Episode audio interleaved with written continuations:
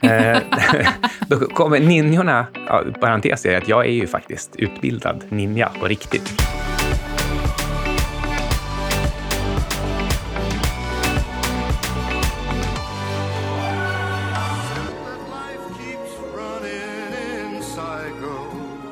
Hej Anna! Hej alla lyssnare och eh, hej Micke! Det här är Outsiders. Det klipps som vanligt av den förnämlige Alexander Marton. Jag blir förnöjd när jag lyssnar på avsnittet av alla klipp. Blir du lika nöjd som när du gjorde frivändningar igår? Ja, ett av mina mål eller löften, det är faktiskt inget, inget av det, men något som jag vill bli bättre på i år så är det till exempel stöt och ryck i träningen. Så någonstans måste man ju börja. Så igår kväll, fredag kväll, så passade jag på att köra lite frivändningar på gymmet och det var Skitkul, eh, men det blir lite mer teknikträning idag faktiskt. Nu har inte Styrkelabbet, så vitt jag vet, den typen av teknikträning i sin app. Men det kan man ju lägga till själv, precis som man kan eh, lägga till att eh, man äter kvarg i omklädningsrummet. Mitt namn är Filip Wildenstam och kvarg smakar mycket, mycket bättre än vad jag trodde. Alltså det är en fantastiskt bra app och vi får absolut inte betalt för att säga det här. Men eh, jag använder appen för eh, själva styrketräningsprogrammen. De är upplagda på ett vetenskapligt sätt för att faktiskt eh, på ett pålitligt sätt göra en starkare. Ja, och jag bokför min träning så att jag kan följa min statistik och se hur mycket starkare jag blir. Och eh, nu när jag bara kör teknikträning, för jag är lite rädd om ryggen, för att någon av oss har en rygg som är 60-åring och eh, är 26 år gammal. Men vad jag tänkte säga ja. var att vad appen inte gör, det visar tydliga teknikstudier på hur man faktiskt utför till exempel frivändningar. Men det finns faktiskt en annan app som jag använder också som heter Muscles som gör exakt det. Så eh, Daniel Richter och Filip Willenstam, om ni lyssnar på det här, så kika in där och eh, ta lite inspiration för eh, genom att visa hur man faktiskt utför övningarna så kommer er app bli komplett. Jag är supernöjd i alla fall. Ja, jag ska köra bänkpress boogie pass 3 om eh, några timmar. Och jag ska göra lite mer teknikövningar när det kommer till mina frivändningar. Sen ska vi faktiskt se Aquaman, precis som du som är vattuman. Och visste du att våra horoskop matchar faktiskt? Så att vi ger optimala matchningar om man tror på sånt. Ja, det är ödet. Men desto viktigare, eftersom det finns fler kineser, så är jag gris enligt den kinesiska mytologin. Inte nog med, med det, jag är någon slags metallgris, kanske till och med guld, guldgris. En spargris. För, för just där eh, månadsskiftet januari 1972 mellan gris och råtta, så, eh, så var jag den optimala griskombinationen när det gäller att tjäna pengar. Det har du väl inte gjort? Så, um, så, så det var ödet. Men ännu mer egentligen så är jag ju alligator. Det finns väl inte? Inget av djuren finns. Hur som helst, alligator, det innebär att man väntar och väntar och väntar på det perfekta läget och sen äter man riktigt mycket och billigt. Det låter lite som Capex och Ronja, våra hundar, fast eh, de tycker att det perfekta läget är konstant. Idag ska vi prata om cykler. Inte mytologiska djur eller deras cykler, men ja. eh, cykler. Närmare bestämt kreditcykler och hur ökande och minskande utlåning drivs av olika grad av risk och olika syn på risk. Men eh, jag tänkte faktiskt eh, läsa upp ett par recensioner som vi har fått på podden. Då ska vi se här, en person skriver följande. Anna och Micke, båda begåvade traders och överlag smarta människor, åtminstone Anna, gör korta djupdykningar i olika marknadsfenomen, rekommenderas varmt. Trevligt, men varför är det så självklart att man får antyda att jag inte är smart? jag vet inte. Men här har vi fått en annan kommentar. Tycker det är helt fantastiskt hur de lyckas förklara stela teorier på ett lekfullt och mjukt sätt. Dynamiken mellan dem är något utöver det vanliga och det faktum att Anna är sjukt kär i Micke framhålls snyggt utan att bli för mycket. Mer outsiders. Shit, var någon som outat vi var ihop där. Tänk om, ingen, tänk om man inte visste det. Kom igen nu, skriv fler recensioner och försök vara lite påhittig men fortfarande sanningsenlig. Skriv något snällt till Micke så blir han glad.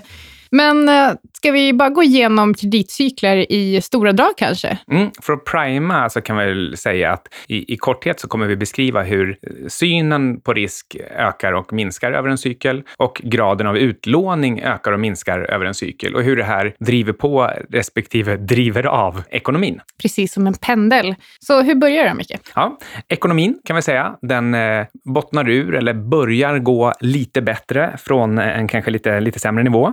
Och eh, det här gör att långivarkollektivet, som vi kan kalla det för, det är inte bara banker, att de eh, därmed ökar sin kapitalbas och det beror delvis på, på vinster, men också eh, li, lite mer eh, speciellt för att eh, de kan minska sina riskvikter när det går bra och därmed så får de låna ut mer och, eh, och då gör de det också. Och dessutom så tillkommer nya aktörer. Det här gör då att långivarkollektivet kan låna ut mer pengar. Och det här har vi ju liksom verkligen sett de senaste åren. Vi har, vi har också sett fler och fler så kallade fintechbolag. Och, och det är mer eller mindre reglerade så kallade skuggbanksaktörer. Ibland har de banktillstånd, ibland har de inte. Men, men vad de gör är att de eh, lånar ut mer och mer pengar till eh, inte minst privatpersoner med lägre och lägre kreditkvalitet. Du investerade i ett bolag som skulle mäkla massa lån, men som uppenbarligen inte kan någonting om just kreditcykler och bestämde sig för att bli en av de här nya aktörerna som ska ge ut lån istället. Och vi kommer komma in på det lite senare. Ja, den typen av style gliding är lite typisk för när det går eh, för bra. De vill ju dessutom eh, också konkurrera med eh, just marginaler och risk och vi ska komma in på det lite senare. Men det som sker då, det är att som de negativa nyheter är ganska sällsynta eftersom att ekonomin går bra, folk har råd att betala och så vidare. Och därför anses riskerna med utlåning bli lägre och lägre tills riskaversionen försvinner helt. Och det här är inte helt olikt liksom aktiemarknaden. Så eh, exponering och marknadsandelar prioriteras framför kvalitet och nedsidesskydd. Och det är också det som händer i det här bolaget då som, eh, som du investerade i. Det är lite som att sluta köpa livförsäkringar för att man har levt länge. Precis. Man, man glömmer bort vad risk är. Det är väldigt, väldigt typiskt cykler överlag. En del av den här style glidingen som jag pratade om, det innebär också att eh, vissa institutioner de utökar sin affärsmodell och eh, expanderar till att att eh, just eh, ge ut krediter av olika slag. Och eh, i och med att eh, andra aktörer och andra personer och andra bolag ser att shit, det är höga marginaler på den här, eh, på den här marknaden, så tillkommer det fler nya aktörer eh, och de vill då konkurrera med befintliga aktörer och marknadsandelar genom att pressa priserna på lån, alltså lägre ränta eller vad de kallar för bättre villkor. Men det är egentligen, eh, de här villkoren gör det egentligen bara enklare för låntagare att få lån som kanske egentligen inte hade varit kvalificerade för de här lånen. Och det här leder till att det är de som behöver kapital som bestämmer på marknaden snarare än de som faktiskt sitter på pengarna. Det här tycker jag är sjukt skevt, för så ska det inte vara. Och eh, det här gör, leder ju också till att allt större risk byggs in i systemet och processen gör samtidigt att riskerna ser lägre ut eftersom problemen alltid kan lösas med eh, lite extra lån. Och det här har vi sett både på privat och på bolagssidan. Eftersom det finns eh, eftersläpande effekter så, så kan det vara så att eh, vissa kreditbolag de får tillgång till pengar, de tar in pengar, de kanske gör en IPO eller så gör de som det här bolaget vi pratade om tidigare, att man, man börjar någonstans i finanssektorn och sen då måste man investera pengarna inom finans på något sätt och, och till slut så är det slut på nischer och då får man konkurrera om, om pris och risk istället. Och, eh, och det är det här då som leder till precis det här du sa om att, eh, att det blir låntagarna som får makten. De, man kan prisförhandla ner räntan och man kan komma undan med, ja men eh, 2008 då pratade man om de här ninja-lånen. Det låter ju spännande, men no income, no assets, no job är kanske inte den bästa förutsättningen för att ta lån. Och eftersom då personer som inte riktigt är kvalificerade att eh, ta de här lånen, eh, ninjor till exempel, eh, då kommer ninjorna, ja, parentes är att jag är ju faktiskt utbildad ninja på riktigt. Inte, på, inte för att kunna ta subprime-lån då? Men... Ja, no income, no job i och för sig. Um, men, men, men förutom att jag går runt på nätterna med kaststjärnor och kastspikar så eh, de här ninja-lånen, de leder till kreditförluster, större kreditförluster än annars. Och det gör de utan eh, någon, eh, någon utlösande faktor. Så det behöver inte, e-, ekonomin behöver inte först gå sämre, utan kreditförlusterna kommer bli större oavsett, just för att man ger ut lån med sämre kvalitet. Precis, och det här ökar då riskaversionen lite grann. Och eh, det här sker samtidigt som eh, utlåningsrestriktioner ökar. Och vi, här brukar vi också se liksom höjda räntor. Eh, och eh, nu blir det, leder det till att vissa bolag och personer inte kan betala tillbaka och går i konkurs och de här kreditförlusterna stiger. Och aktörer som har lånat ut till de mest okvalificerade låntagarna riskerar också att gå i konkurs när de inte får betalt. Så det blir, eh, eh, ja, det blir förlust på förlust och det blir konkurs på konkurs. Det här, eh, det här får ju en, leder ju till en väldigt ond spiral i just eh, den här typen av kreditmarknader. Processen är vad man kallar procyklisk. Det betyder att när, när cykeln är på väg uppåt, då stärks alla faktorer i cykeln. Så till exempel så gör upplevd låg risk att man lånar ut mer pengar. Och även om den riktiga risken är högre så gör de ökade utlåningarna att man kan täcka upp de där hålen med lån så att man aldrig ser risken. Och då, då fortsätter risken se låg ut, kanske till och med lägre ut, trots att den egentligen eh, stiger. Och eh, när du då istället låter cykeln vända neråt på grund av de här eh, ninjalånen och subprime-lånen som förr eller senare ger kreditförluster. När de gör att man vill låna ut mindre pengar, ja, då, då skapar det här problem på, på alla håll. De, de högre förlusterna skapar högre riskvikter, ger mindre möjlighet att låna ut pengar, ger också mindre vinster och därmed mindre kapital tillgängligt på marknaden och, och därmed oavsett risknivå mindre pengar att låna ut. Precis, så, och i det här fallet så finns det också bolag som faktiskt är i behov av den här typen av kapital för att kunna refinansiera andra, andra lån. Och eh, om de här inte kan refinansiera den typen av lån som de redan har så kan de riskera i att gå i konkurs. Här har Howard Marks eh, bland annat hittat eh, en, ett jättebra sätt att tjäna pengar på den här typen av bolag. För han menar på att man kan eh, tjäna pengar på så kallad distress debt. Och då letar han efter bra bolag, men som är i behov av eh, finansiering. Och det finns alltså det finns eh, många av den typen av bolag. Och vi, ska, vi kommer gå in lite mer på hur man kan använda det här till sin fördel och hur man kan vikta om i sin portfölj och sådär. Men vad händer då, Micke, efteråt? Att eh, bolag som är i behov av kapital för att kunna överleva egentligen, för att de redan har massa lån sedan innan. Vad, hur går man vidare efter det?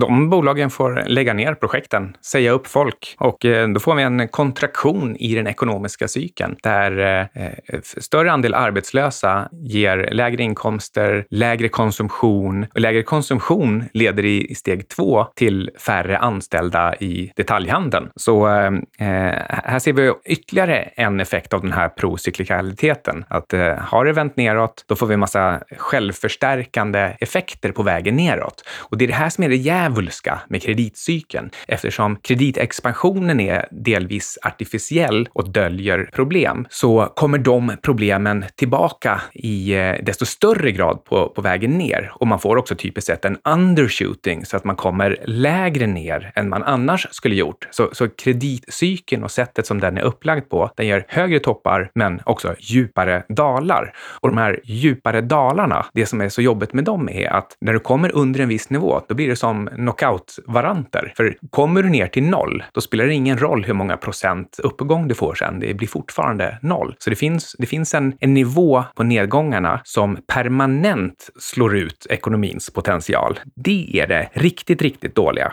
Ehm, ett annat sätt att uttrycka det här, det var österrikiska ekonomer kallar för malinvestments. Eftersom det är så lätt att få tag på billiga krediter så investerar du i dåliga investeringar med låg förväntad avkastning. En hel del av de här kommer ha negativ avkastning. Det är så kallade broar till ingenstans och de är värda noll. Det är rätt illa när så kallade riskfria tillgångar blir eh, de mest riskfyllda tillgångar som du kan tänka dig. Och eh, i, i slutledningsvis då, så till slut så leder det, när dåliga lån, investeringar, svaga skuggbanker och sådär har rensats ut ur det ekonomiska systemet, skrivits av, börjar och sådär, så börjar kreditsystemet att må bättre. Och det här leder då till att långivare utökar sin kapitalbas, ekonomin bottnar, banker ökar sin långivning till sunda investeringar, riskaversionen minskar och försvinner igen och hela den här processen som vi har gått igenom återupprepar sig. Och det här är ju, om man tittar på Eh, om man tittar på kreditcykler, jag skulle säga att det är en av de absolut viktigaste cyklerna att faktiskt ha koll på.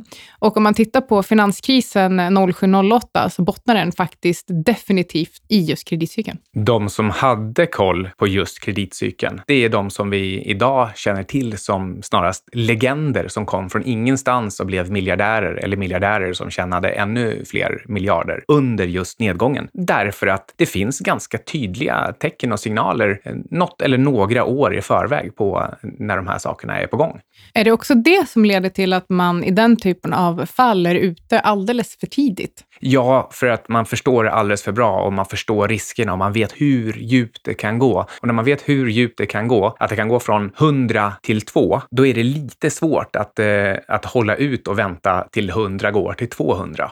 Men om vi ska fundera på lite var vi eh, befinner oss nu, så läste jag, för jag skrev ett blogginlägg om kreditcykeln eh, nu i veckan och eh, då läste jag samtidigt som jag skrev det här att ett fastighetsbolag i Malmö vill börja med så kallade sociala obligationer för att hjälpa personer finansiera bostadsköp. Och det här påminner väldigt mycket om de här subprime-lånen som var den stora anledningen till eh, finanskrisen då 07-08. Och den här typen av finansiering hade inte varit problematisk om det inte vore för att den är nödvändig just för att bostäder redan är för dyra. Och så länge bostadspriserna fortsätter stiga så är det inget problem. Men nu, nu är ju priset på fastigheter redan så pass högt. Och det här är inte något nytt heller. Det finns ju jättemånga som tar blankolån för att täcka upp kontantinsatsen. Men det blir problematiskt i längden. Hur mycket ränta har du egentligen? Vad är ränta? Det är så klassiskt politiker och kanske även husköpare att låta processer gå så långt så att man sen tvingas säga ja men nu kan vi i alla fall inte åtgärda det för, för då kommer det kosta alldeles för mycket. Hade man bara lyssnat från början så hade man inte behövt ta utrensningen. Men att, att ha som, eh, som lösning på alltihop att dubbla upp, det, det gör ju bara galna aktiespekulanter och sms-lånare. Men hur som helst, räntorna verkar i alla fall vara på väg upp nu. Och eh, även om vi fortfarande har minusränta och det alltså egentligen är stora stimulanser, så, eh, så kan man konstatera att eh, centralbankerna är hopplöst efter kurvan, särskilt Sverige. Och ECB är inte så himla mycket bättre själva. De har precis stoppat sitt eh, QE-program och eh, Ja, precis som du säger. Centralbanker är som vanligt långt efter kurvan och eh, om man ska tro Daniel Di Martino Booth som har skrivit boken Fed Up så ligger i alla fall Fed cirka tre år efter kurvan.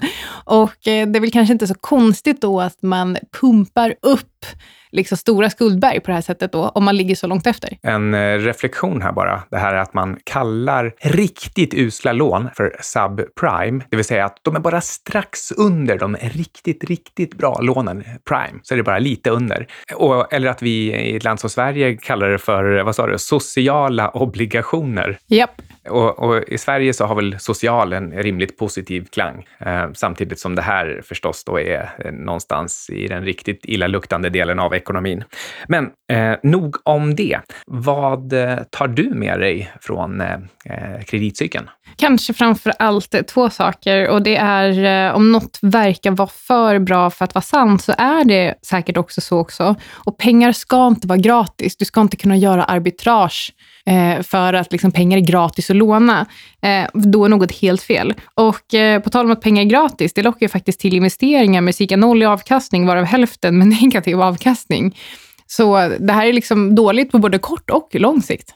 På den andra sidan så är det som Howard Marks brukar påpeka, att när det ser så illa ut att det inte kan bli sämre, det är då du har eh, köplägen. Det gör det i och för sig inte lättare. Det är ganska svårt att eh, identifiera den där punkten där det är så illa att det inte kan bli sämre. Vi, vi har oftast ganska begränsad fantasi i eh, sådana här lägen.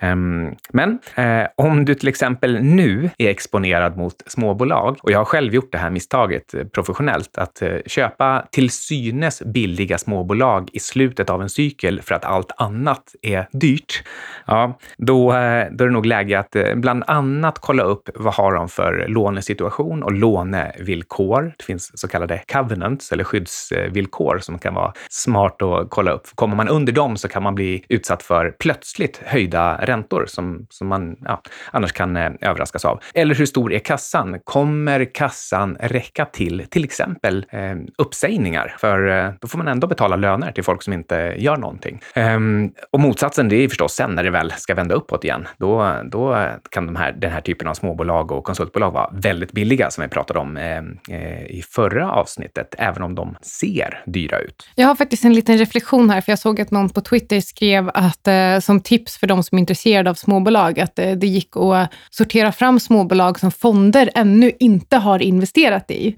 Eh, och att eh, det kunde vara ett bra köpläge på de som fonder ännu inte har investerat i, för att det skulle leda till eh, att priset pressas upp när fonder väl investerar i dem. Men jag skulle vilja vända på det. Om fonder inte har investerat i ett småbolag, ett litet bolag, så här sent i cykeln, då skulle du nog vara väldigt noga med att ta reda på vad det beror på.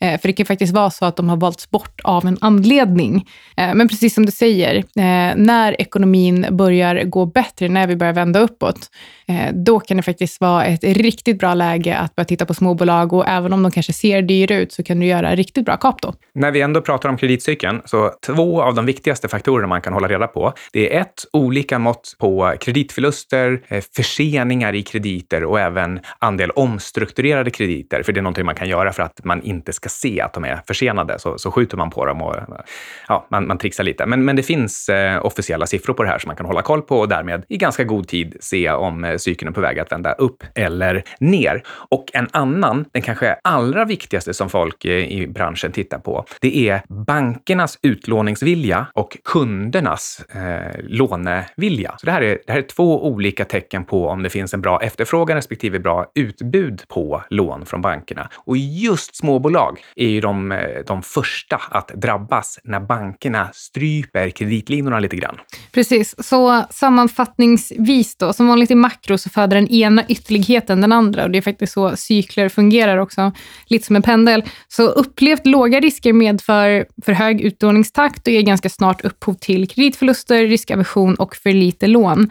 Och eh, de här få kvalitet, högkvalitetslån och en begynnande uppcykel får snart riskerna att se extremt låga ut. Ja, och då är vi tillbaka igen att de där extremt låga riskerna som i början är på riktigt, de gör att banker och andra blir sugna på att låna ut mer för att man tjänar klart mer än vad kreditförlusterna ger upphov till. Men snart så är man igång och har gått förbi sweet spot så man egentligen lånar ut till ponzi schemes eh, utan att riktigt veta om det. För signalen med kreditförluster kommer för sent eftersom man kan eh, tejpa över problemen med nya lån. Precis, och eh, här vill jag säga att avslutningsvis att det finns ingenting som heter gratis lunch. Och ehm, ja, som vi sa innan, ser någon verkar någonting vara för bra för att vara sant så är är det tydligen det. Och, eh, Ska du bemästra kreditcykeln så gäller det att du ställer dig på utsidan av kreditcykeln och tittar på den med nyktra ögon. Det var allt från Outsiders den här veckan. Ja, hej då. Nu ska jag göra frivändningar.